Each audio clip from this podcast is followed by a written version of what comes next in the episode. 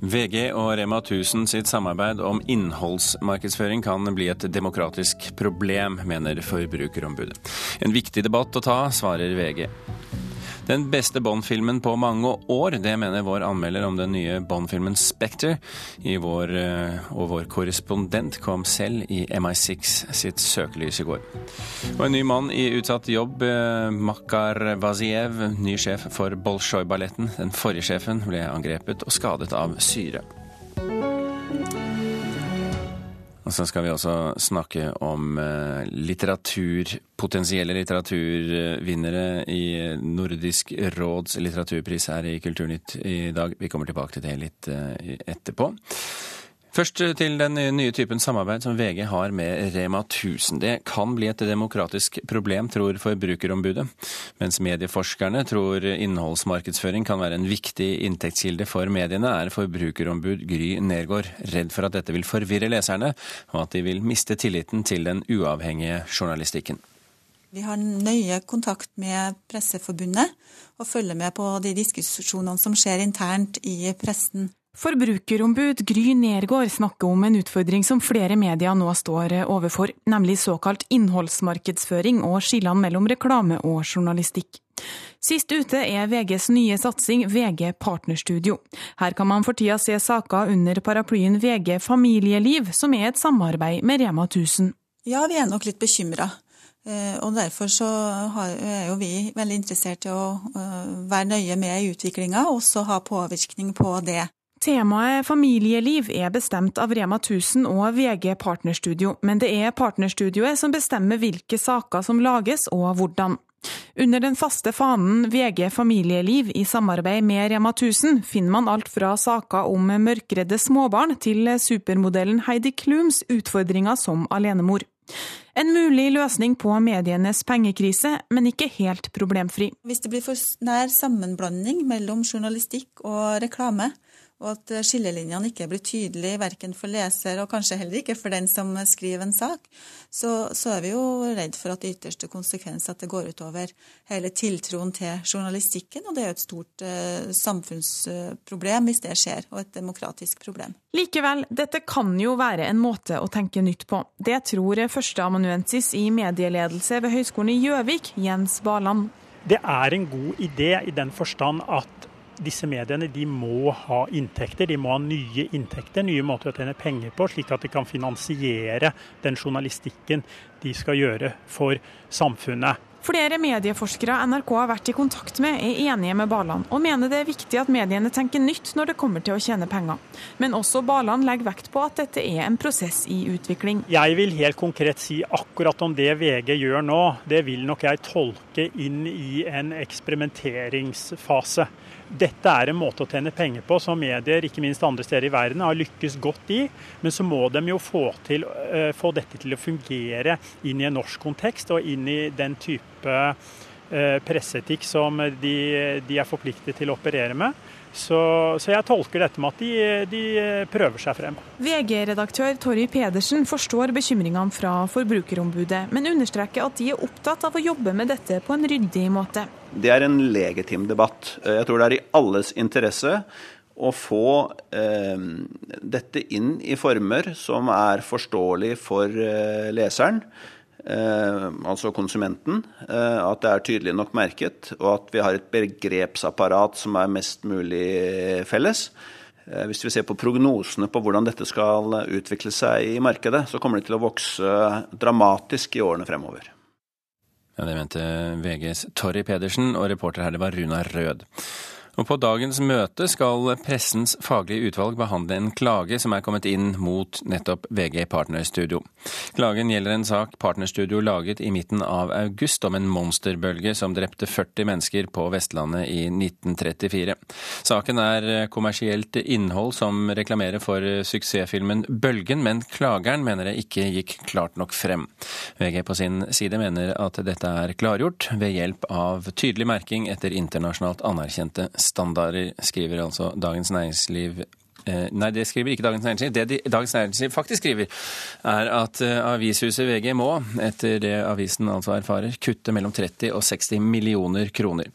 Avisen anslår at uh, VG dermed må kutte rundt uh, 30-60 årsverk hvis hele innsparingen skal skje i form av nedbemanning.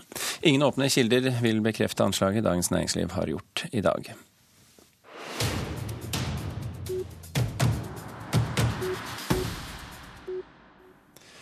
I går kveld hadde den nye James Bond-filmen Spekter verdenspremiere i Storbritannia. Der var NRKs filmkritiker Birger Vestmo som melder fra London at regissør Sam Mendes har laget Daniel Craig epokens beste Bond-film.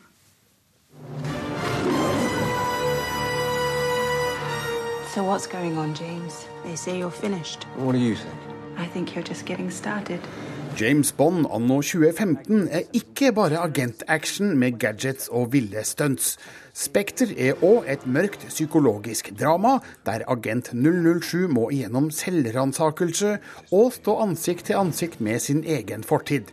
Om det høres tungt ut, kan jeg berolige med at regissør Sam Mendes ikke har glemt at kinopublikum også må underholdes.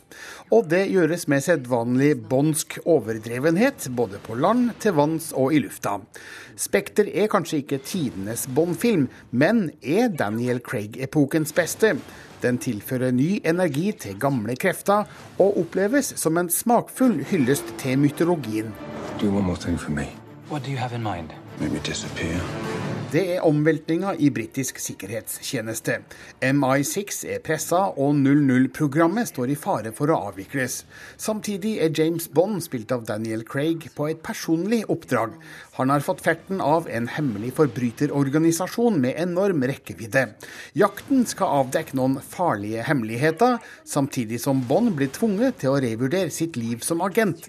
Særlig mer konkret ønsker jeg ikke å være. Historien oppleves best uten everywhere. Det kan se ut som om Sam Mendes og manusforfatterne John Logan, Neil Purvis og Robert Wade har ønska å sette ny rekord i antall referanser til Bond-universet. Spekter inneholder vink til sikkert halvparten av de gamle filmene, enten det dreier seg om figurer, situasjoner, steder eller Spekter-organisasjonen sjøl. Det føles trygt og godt med en slåsskamp på et tog, biljakt med en spesialutstyrt Aston Martin eller scener fra en klinikk på en alpetopp. Men slike vink gjør ingen god historie. Heldigvis har Spekter det òg. Daniel Craig har aldri hatt mer å spille på enn her, og gjør Bond til en mer interessant og sammensatt figur enn tidligere. Why should I trust you? Because right now, I'm your best chance of staying alive. Persongalleriet omfatter for øvrig Ray Fiends i en stadig viktigere og mer håndfast rolle som M, Ben Wishaw i en mer omfattende funksjon som Q, og Lea Seydoux i en tøff rolle som Madeline Swan, dama som kan være nøkkelen til avdekkinga av Spekter. Lederen for det hele, Frans Oberhauser, spilles av en sedvanlig god Christoph Waltz, men etter en genial introduksjon på et skurkemøte i Roma, mister figuren litt av sin mystikk, som er det samme som halve moroa. Welcome, James. What took you so long? Regissør Sam Mendes følger dermed opp suksessen med Skyfall. Spekter er nok en anelse for lang med sine 148 minutter, men det her er uansett en lekker visjon av den moderne James Bond. Filmen trekker tråder til fortida, og viser at figuren også har en fremtid. Det er definitivt plass til han.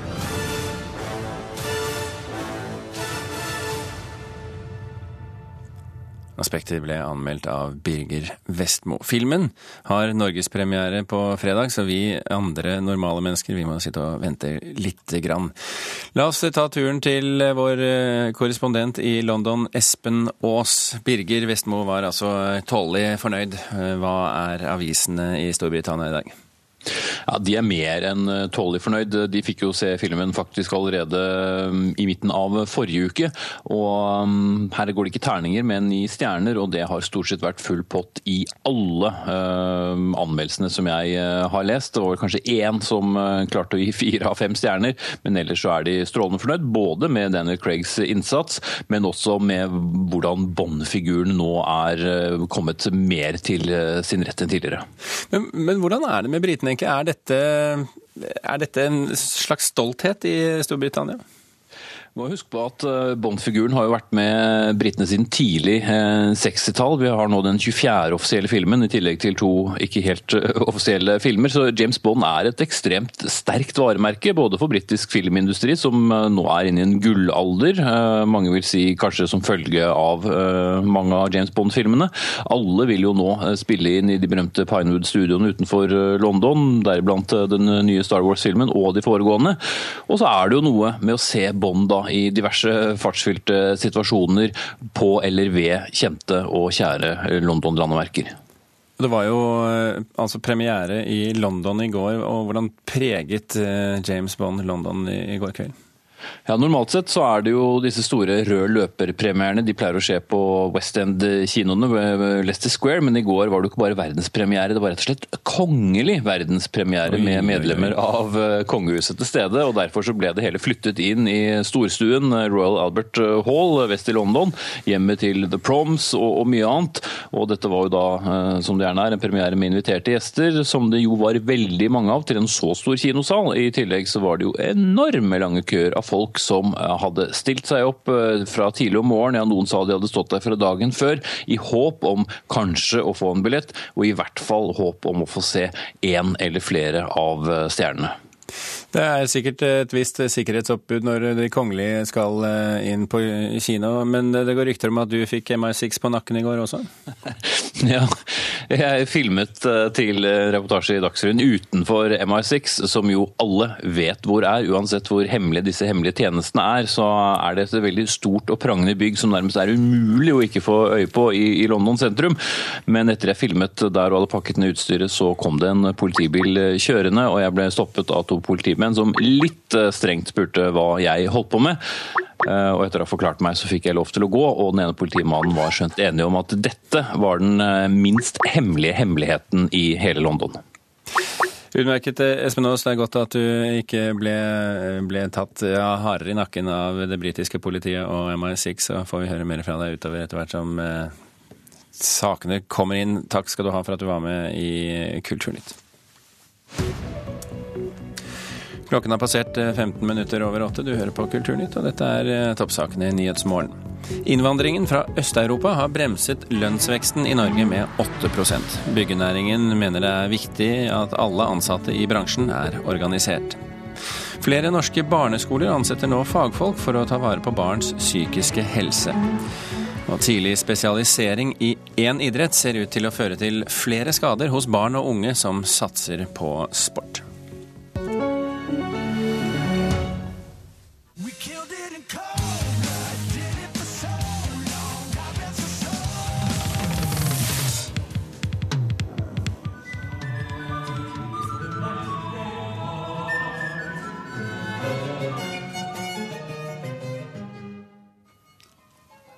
Fra heavyrockere til blokkfløytister, trekkspillere og fiolinister kan stikke av med musikkprisen når Nordisk råd avholder sin eh, store utdeling i Reykjavik på Island i kveld.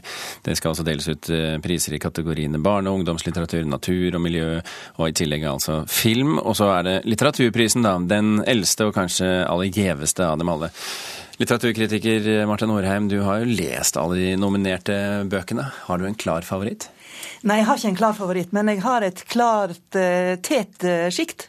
Ja. Det er jo litt sånn i litteraturen at det, det er veldig sjelden det er liksom én som er bare helt opplagt. fordi at... Uh, og vi snakker om ti bøker, ikke sant? Eller er det tolv? 14. ja. Eh, vi har med Åland og Grønland og Færøyene, og det er mange, det er mange som er det samiske språkområdet.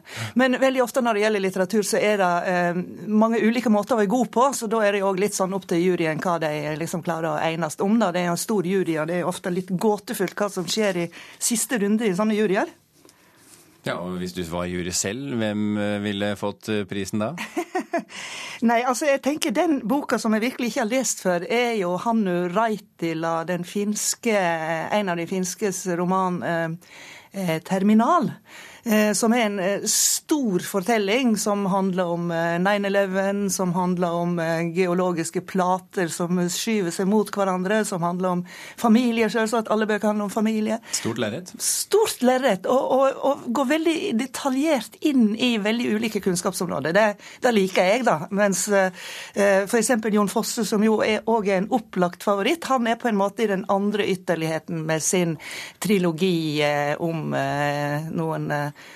nokså hardt prøvde mennesker på Vestlandet for noen år siden. For våre venner i eh, svenske Kulturnytt på Sveriges Radio, de trekker frem Fosse som eh, favoritt. Eh, hvor stor sjanse har han, tror du?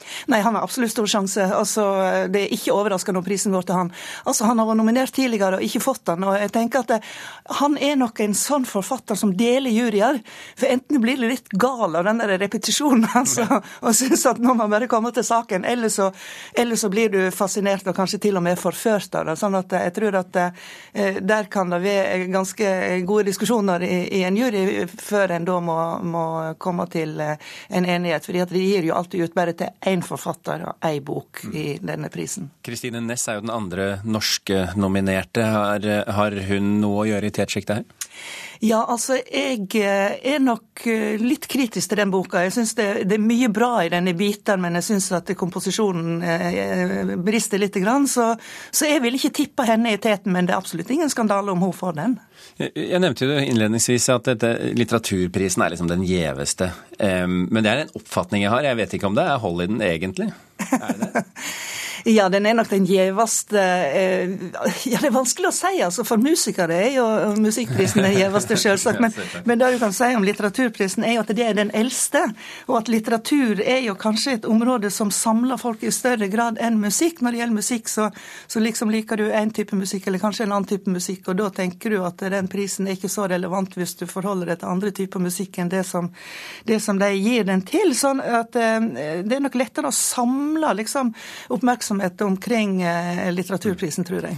Det er altså tredje året alle prisene skal deles ut samtidig, og det skal være et slags eh, show. Det blir ikke så stort i år som det var eh, første gang i Oslo. Ehm, har det vært vellykket dette med denne samlingen? Ja, altså det er vellykket i den forstand at de får jo mer oppmerksomhet omkring det. Og, eh, og ikke minst i det landet der de er, så blir det jo mye presse og, og, og ståk. Det er mer glamour. Det er selvsagt spenning når alle de nominerte sitter i salen, og, og jeg tror ikke de egentlig vet det før, før det blir ropt opp fra scenekanten. Så det er jo litt sånn eh, ja, det er mer, mer, stas eh, rundt det. Men om det fører til flere omsetninger til andre språk, flere bøker solgt, eh, bedre kritikker, altså, det vet jeg jo ikke. Vi får se. Uansett er det altså i kveld, og uansett så kommer nrk.no til å dekke dette løpende etter hvert som prisene deles ut. Så det er bare å, å logge seg inn på nettet hvis man ønsker å være oppdatert. Marta Nore, takk for at du kom.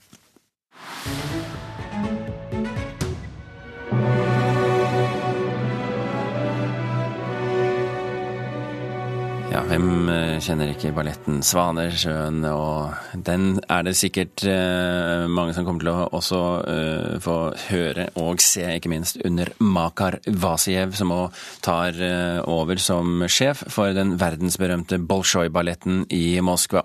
Den nåværende sjefen, Sergej Filin, husker kanskje mange, mistet store deler av synet da han fikk kastet syre i ansiktet i 2013.